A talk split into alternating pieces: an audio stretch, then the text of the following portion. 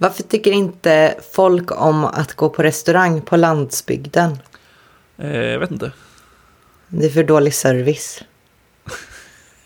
Alltså. ja, det var... det var... Den var bra. Jag gillar den där. Den är så jävla... Om man inte vet liksom premissen för alltså att det är lite så här utvecklarrelaterade skämt. så är det liksom inget skämt. Nej. Mamma, alltså det, det är otroligt kontextberoende. Ja, det funkar liksom bara i kontexten av den här podden typ. Ja. Och eh, inte internetnät. Ja, exakt. Eh, välkomna till ett nytt avsnitt av ASDF. Eh, jag har eh, precis kommit tillbaka från semester som jag eh, kände var välbehövlig. Men jag är som vanligt ännu tröttare efter semestern än jag var innan. Så jag tänker att jag låter dig ta lead idag.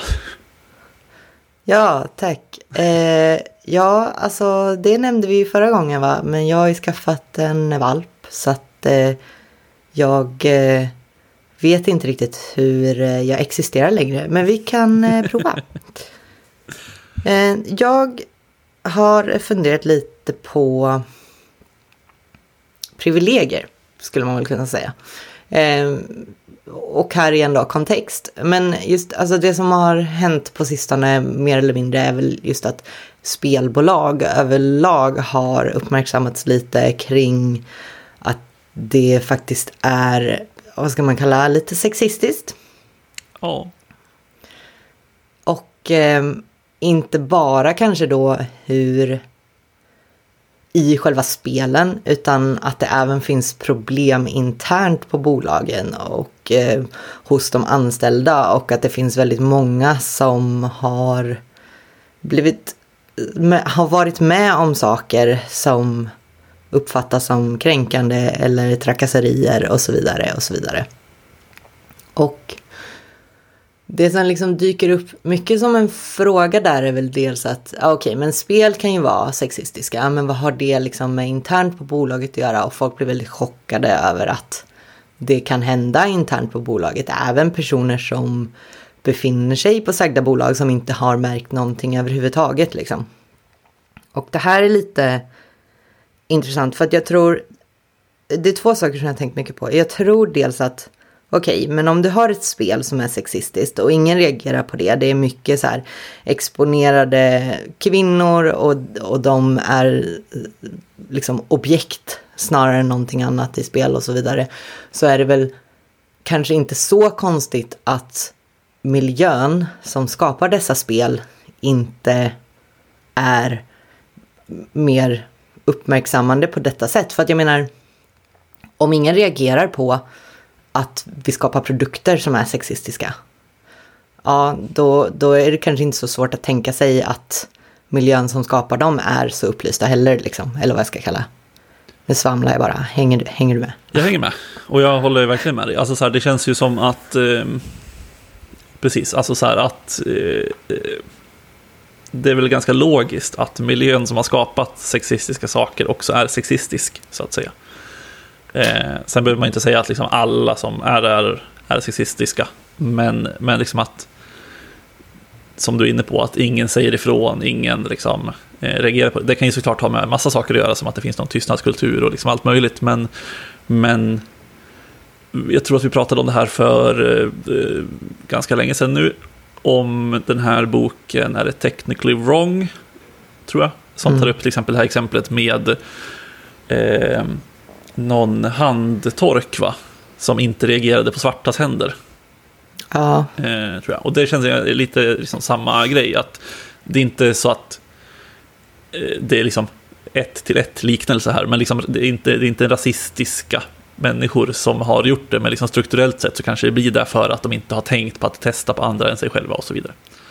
Eh, nu svamlar jag också, men ungefär samma poäng. Jo, men Precis så blir det ju, för om du är en miljö där ingen någonsin tycker det är konstigt att kvinnor bara är objekt i spel, det är ingen som reagerar på det. Okej, men varför skulle man reagera på, på liksom real life händelser som antagligen är mindre och som är mindre synliga och som inte alls påverkar en massa? Det tycker inte jag är så konstigt. Så att alltså jag är väl kanske cynisk och lite bitter, men jag skulle ju inte säga mig vara ett dugg chockad över att eh, de här senaste sakerna har dykt upp. Liksom. Att det finns så många människor, alltså så hög procent som anser sig varit utsatta för saker på bolag och så vidare. Och så vidare. Jag tror det var någonting, vad var det, och inte outa, men det stod väl i medierna, vad var det, Paradox hade 60 procent eller någonting som, som anmälde att de har känt sig kränkta eller utsatta på jobbet. Liksom. Ja, exakt. För det var väl det senaste svenska exemplet i alla fall med Paradox. Att det var ju någon typ intern eh, undersökning som de hade gjort själva tror jag, eller om det var facket som hade gjort det, jag vet inte. Eh, jag tror att det var ganska låg svarsfrekvens på den, alltså det var typ 120 pers som hade svarat. Men liksom, det är ändå ganska högt eh, antal personer. Alltså även om du tar 60% av 120 så är det ganska många personer som har liksom blivit utsatta för någonting på jobbet. Eh, och det spelar liksom ingen roll om det är, även om det hade varit 20% som skulle sagt någonting, så är det ju i mitt tycke ett lika stort problem. Ja, och nu är det inte så här, alltså för att jag skulle inte säga att det bara gäller spel, eh, alltså spelbolagen liksom och det gäller inte bara Paradox, det är mer att det var ett exempel som dykt upp nu utan det är, jag tror att det är mer utbrett på många bolag än vad folk ville tro eller liksom faktiskt inse. Alltså det är väl så här, alla kanske känner någon som har blivit eh, illa behandlad eller kränkt eller trakasserad på en arbetsplats. Men det är ingen kanske som känner tillräckligt många som skulle ha utsatt någon för det. Alltså, ah, det var en dålig take på... Nej, nej men, nej, men jag förstår vad du menar. Och alltså, som sagt, jag tror också som du säger att det är nog ganska ett generellt problem för många. Men jag tror ändå, det känns som att, alltså min bild av spelbolag är ju att det är lite sämre kultur där om man inte tillhör den här gruppen personer som liksom eh, tillhör majoriteten, älskar att liksom, jaha, jag älskar att sitta uppe på kvällen när jag brinner för mitt jobb, jag eh, har drömt om att vara spelutvecklare hela mitt liv, eh, vilket då till kanske 99,9 procent är liksom vita män. Ja, och då skulle jag väl ändå vilja komma in på lite den här andra saken som såklart hänger ihop men som jag funderat väldigt mycket på och det är just privilegier. För att jag kan ha hört en del säga, men jag har inte märkt någonting och jag upplever det inte så här och jag gör inte. Nej, och, och det kanske är för att de personerna sitter högt upp på privilegiestegen. Liksom. Och det är inte så att någon gör något fel och det kanske inte alltid är så lätt att uppmärksamma saker när man inte har en aning om det. Men, men de facto är att anledningen till att vissa inte märker någonting är antagligen för att de är så privilegierade. Liksom. För att grunden är så här. Privilegier är osynliga för de som har dem. Mm. Och exemplifierat då, liksom. Jag har jättemycket privilegier. Till exempel, jag funderade inte, det, det tog väldigt många år innan jag funderade på eh, hudfärgade plåster till exempel. Det var aldrig något konstigt för mig. Jag var så här, ja men det är ett plåster, det är så här hudfärg inom citattecken och alla vet vad jag menar när jag säger hudfärg. Men det är ju bara för att jag har en privilegierad ljus hudfärg liksom. Eller ska jag in i en byggnad, kontor, vad som helst, då behöver inte jag fundera på om det finns en trappa jag ska komma upp för eller inte. För att jag har funktion, eh, att, eh, kroppsfunktion så jag kan bara gå upp för den. Det är också privilegier. Och de här är osynliga för mig. De har varit där liksom för att jag har aldrig behövt tänka på dem. Och på ett bolag där du sitter i en kultur, det kanske inte är lika fysiska saker, men jag menar alltså kulturen på möten, uttryck, skämt, kränkningar. Det är inte att folk avsiktligt väljer att bortse ifrån dem, men de kanske helt enkelt är osynliga för vissa. Mm. Ja, och jag tycker en, en eh, viktig poäng tycker jag när man pratar om det här är väl just det här med att eh, man kan dra sexistiska skämt utan att vara en sexist. Eller man kan dra rasistiska skämt utan att vara en rasist. Alltså det är inte... eh, I och med att, som du är inne på, alltså så här, mina privilegier i Thomas, jag liksom är inte medveten om dem om jag inte liksom aktivt eh, letar efter dem eller aktivt diskuterar dem eller tar reda på dem. Och då är det svårt i början eh, att liksom så här, oh, jag fattar inte att det här skämtet var funkofobiskt, eh, till exempel. För att Mm. jag har aldrig tänkt på det utifrån mina privilegier. Men det som också blir problemet då när man diskuterar de här grejerna sen är liksom att alla bara, ah, men jag är inte rasist. Är, du anklagar mig för att vara rasist, jag är inte rasist. Jag eh, tycker det här. Och det är förmodligen 100% sant. Men man kan ändå vara rasistisk eh, i sina handlingar utan att det liksom är vem du är som person typ. Ja, precis. Och här, här, det är så himla viktigt än att skilja på identitet och handling. Jag menar, sen kan vi ha en diskussion kring om du bara gör rasistiska handlingar men fortfarande inte tycker att du är en rasist. Det kan vi ha en diskussion om såklart. Men jag menar, identiteten och, och det här har ju, alltså jag har ju dragit skämt i mitt liv som varit både rasistiska och sexistiska och funkofobiska. Jag menar, jag har nog checkat alla de rutorna liksom för att jag har inte förstått bättre. Jag har också dragit extremt många nedvärderande skämt om mig själv och tyckt att jag har rätt att göra det för att jag blir utsatt för sex- sexism och rasism. Men och, och jag menar, det får väl stå för det då, liksom. men det jag gör i det, det är ju att jag spär på en kultur som är extremt problematisk och jag hjälper typ människor att hitta en ursäkt för det. Typ att, ja men det här skämtet drog min kompis och hon är ju asiat så att hon får dra det, då får jag dra det, då är det okej liksom. Vilket det inte är, för att jag talar inte för en hel grupp och vi pratar ju nu på en strukturell nivå, vi pratar ju inte på en individnivå liksom. Utan det finns strukturella problem som också dyker upp på en arbetsplats. Och det, det handlar inte heller om att vara så här, ja men jag måste göra allting rätt och annars är, det, är jag en dålig människa. Det är absolut inte det det handlar om. Det handlar om att man måste, att människor måste lära sig, eh, ta in och förstå, alltså lyssna på andra människors upplevelser och eh, protester och tankar kring det hela. För att det blir ju också extremt problematiskt när någon är så här, nej, men jag har inte gjort något fel, jag tänker inte lyssna på vad du säger, jag eh, har absolut inte gjort det. Eller kanske när, när det också blir så här, ja ah, men vad har jag gjort fel? Och så får man en hel eh, ryggdunk av andra. Bara, Nej, men du har inte gjort något fel. Ingen har kunnat veta det här. Det här du, du, du kan inte se det. Och eh, det, hur ska du kunna veta det som aldrig varit i en sån situation? När man, när man ursäktar varandras handlingar eller icke-handlingar. Liksom. Mm.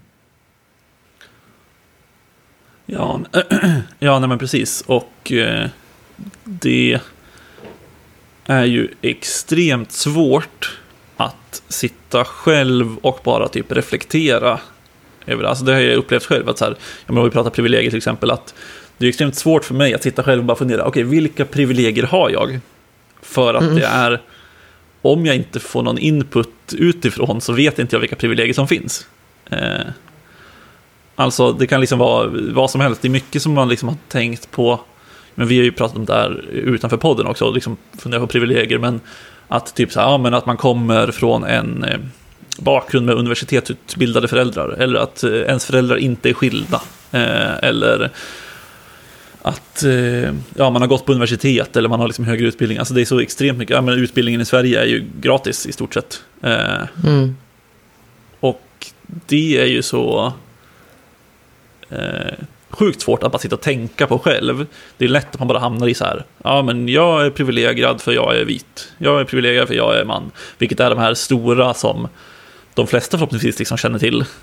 Men det finns så extremt många liksom mycket mindre små privilegier som man inte tänker på lika ofta. Men som ändå liksom påverkar ens eh, vardag eh, på ett sätt eller annat. Liksom. Ja, det där tycker jag är så intressant för jag upplever ju fortfarande dem ibland. Alltså det var för inte så länge sedan till exempel när det satt ett gäng och vi diskuterade resor. Specifikt utlandsresor gjorda i barndomen liksom. Och det var ju en person som var helt knäpptyst under hela den konversationen. Liksom. Och det fick jag ju reda på senare att den personen hade ju inga utlandsresor när den var yngre för att det fanns inte pengar att göra det. Och det är inget konstigt. Men det var ju någonting som vi alla andra bara tog för givet. Liksom. Mm.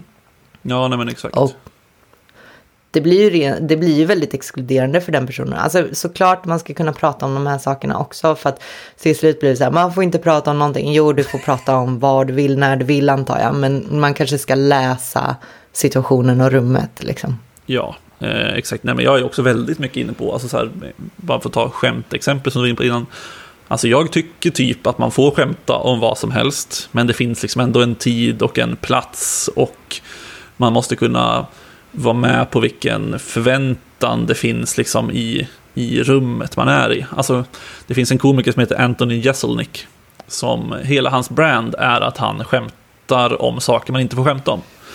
Men då är ju också förväntan när man tittar på honom att så här, ja, jag, jag, vet att han kommer gå över gränser, jag vet att han kommer skämta om saker man inte får skämta om. Eh, sen gör han det på ett väldigt snyggt sätt, så att det liksom är li, lite bättre kanske. Men, men då är det liksom ändå ett, ett bra sätt att göra det på, kan jag tycka. Medan man annars kan liksom hamna i att man skämtar på bekostnad av personer liksom i, i rummet.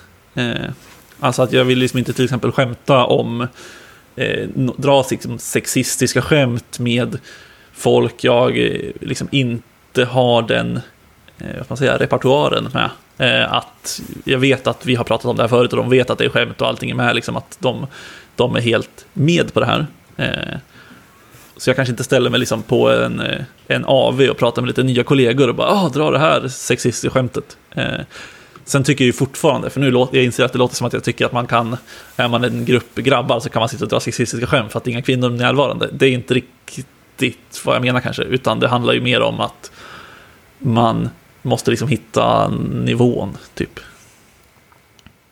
ja, för det är ju också, för att det här med skämt och skämta om vad som helst, det är ju extremt problematiskt om du skämtar med kompisar som inte förstår, som inte har ett djup djupare kring det. Att de bara tar det som att spä på sina egna grundade åsikter och så vidare. och så vidare. Det kanske är så. Ja, nej men precis. Så att, eh, nej.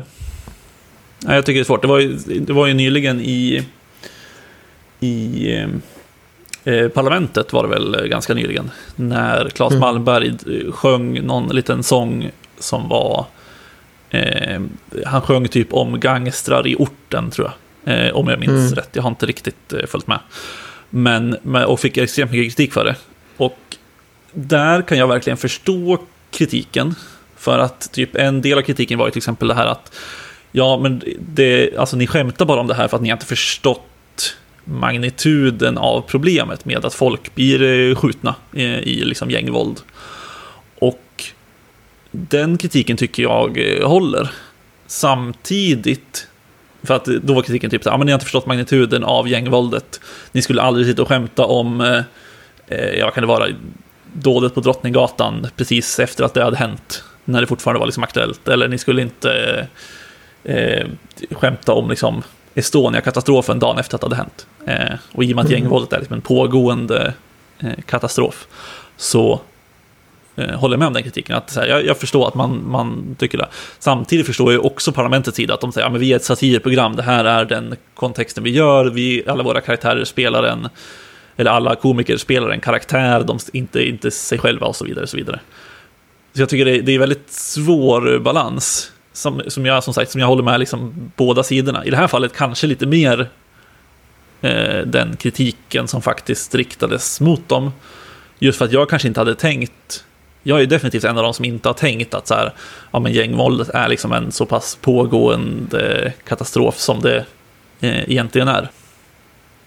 Ja. Nej, men jag har eh, inte riktigt eh, hängt med. Jag har hängt med lite i utkanten så att säga. Det jag såg var väl just kanske att, att han gick ut eh, och sa någonting kring det är satir, attackera inte mig, attackera de riktiga rasisterna istället.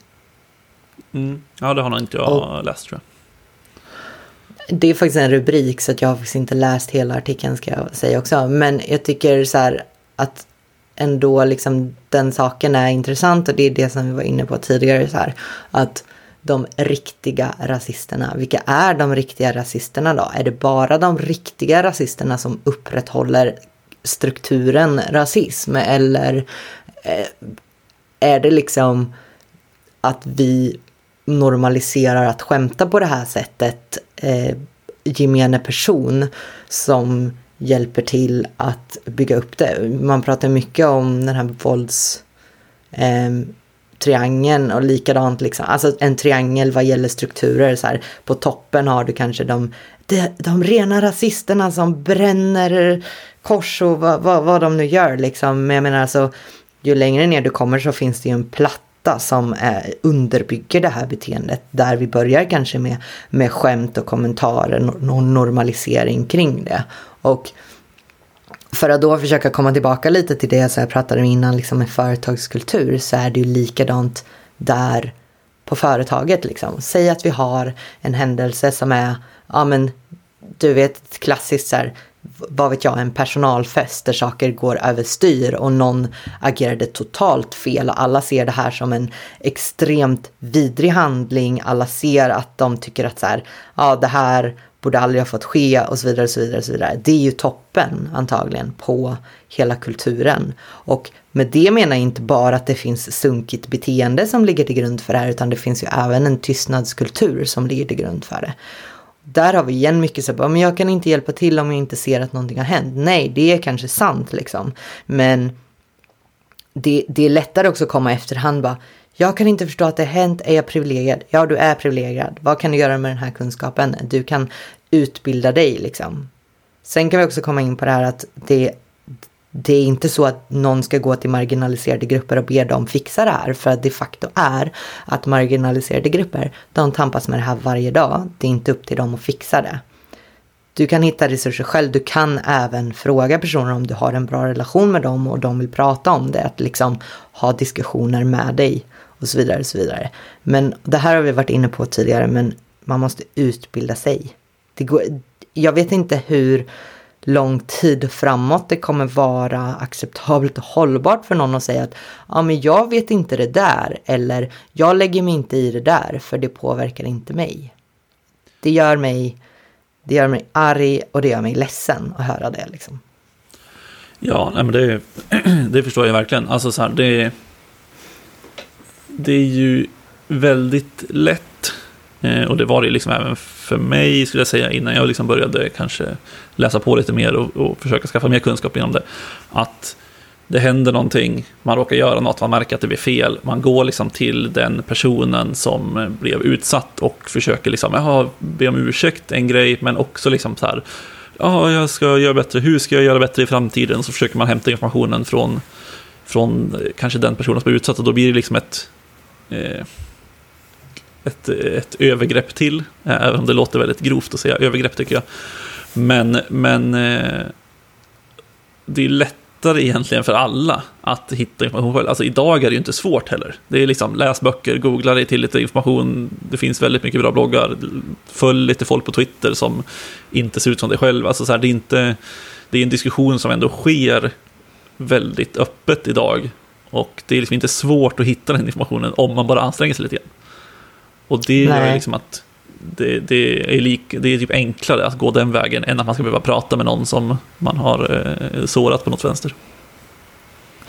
Ja, för att alltså, det är också som på något sätt att, man, att, att, man, att många tror att om du frågar en, en, en person från en marginaliserad grupp och den har svar på mycket saker så är det som att folk kanske tror att den personen bara föddes med den kunskapen. Och så är det ju absolut inte, utan den personen har ju också behövt lära sig det och ta in den informationen och läsa på om det. Sen kanske det har skett mer av en nödvändighet för att den personen, och jag kan ta mig själv som exempel här, att jag inte har vetat vissa saker eller förstått vilka gränser som finns eller hur jag inte ska behöva bli behandlad. Att jag inte haft den kunskapen har ju lett till att jag har blivit riktigt dåligt behandlad ur ett strukturellt sätt på i många situationer. Liksom. Så det är klart att det kostar mig mer. Men det betyder att jag utöver att uppleva det här har behövt samla in den här informationen och lära mig allt det här för att förstå att jag har rätt att sätta gränser. Jag föddes inte med den. Det tog mig många, många, många, många år och många, många riktigt dåliga händelser för mig att ens komma hit. Liksom. Så att det, det är inte så att jag fick den här kunskapen gratis på något sätt. Och det är samma sak för alla andra. Ja, ja men precis. Eh, nej, det är, eh, jag tycker det är... Jag, jag, förstår verkligen folk som tycker att det är svårt.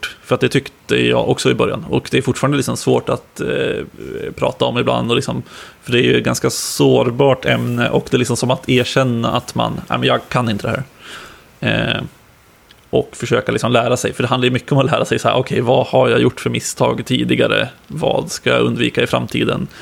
Och se liksom vart man, vart man befinner sig egentligen. Så jag tycker det är, det är ju sjukt svårt, men det är också, det finns liksom inget alternativ riktigt tycker jag. Utan vill man liksom, vill man inte såra andra människor eller liksom göra dem illa så måste man ju lära sig hur. Eh, det finns ju liksom inget alternativ. Nej. Så att, eh, ja, ja jag, tycker, jag tycker det är svårt. Och samma sak alltså, som du var in på lite tidigare där, att det handlar ju inte heller om de här personerna som är superrasister. Alltså det är inte de man kanske vill nå ut till. Alltså även om det är klart att de vill vi också förändra. Men, men det handlar ju mer kanske om den här breda grunden på pyramiden som du pratar om. Och samma sak då på jobbet. att så här, ja men har man som Eh, det kanske verkar på Paradox eller Activision Blizzard som också var nyheterna på nyligen. Alltså det känns ju mer som att det är väldigt få som jobbar där som tillhör toppen av pyramiden. Eh, om ens mm. någon liksom. Utan det handlar ju mer om att ja, men det är folk i botten på pyramiden som kanske har det på ett strukturellt plan och inte liksom har så djup kunskap om ämnet. Och därför liksom gör sexistiska eller rasistiska eller vad det nu kan vara för handlingar. Istället för att man, man eh, vet om det själv. Och sen som sagt tystnadskulturen som du var in på också. Ja. Men en, en annan sak som jag skulle kanske vilja ta med här då innan vi avrundar är just den här att vad, vad kan jag göra när någonting händer eller när jag ser någonting liksom. Och då vill jag också säga, och igen, jag kan inte prata för alla, men jag tror jag pratar för många, att det kan hända saker som en person som blir utsatt för ibland bara inte orkar ta.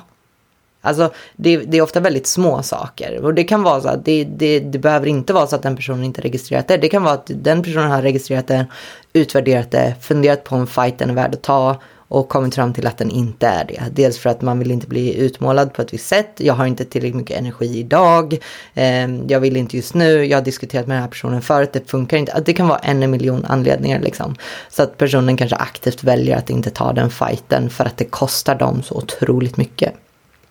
Och det en mer privilegierad person kan göra då, det är ju att välja att ta fighten från ett personligt perspektiv.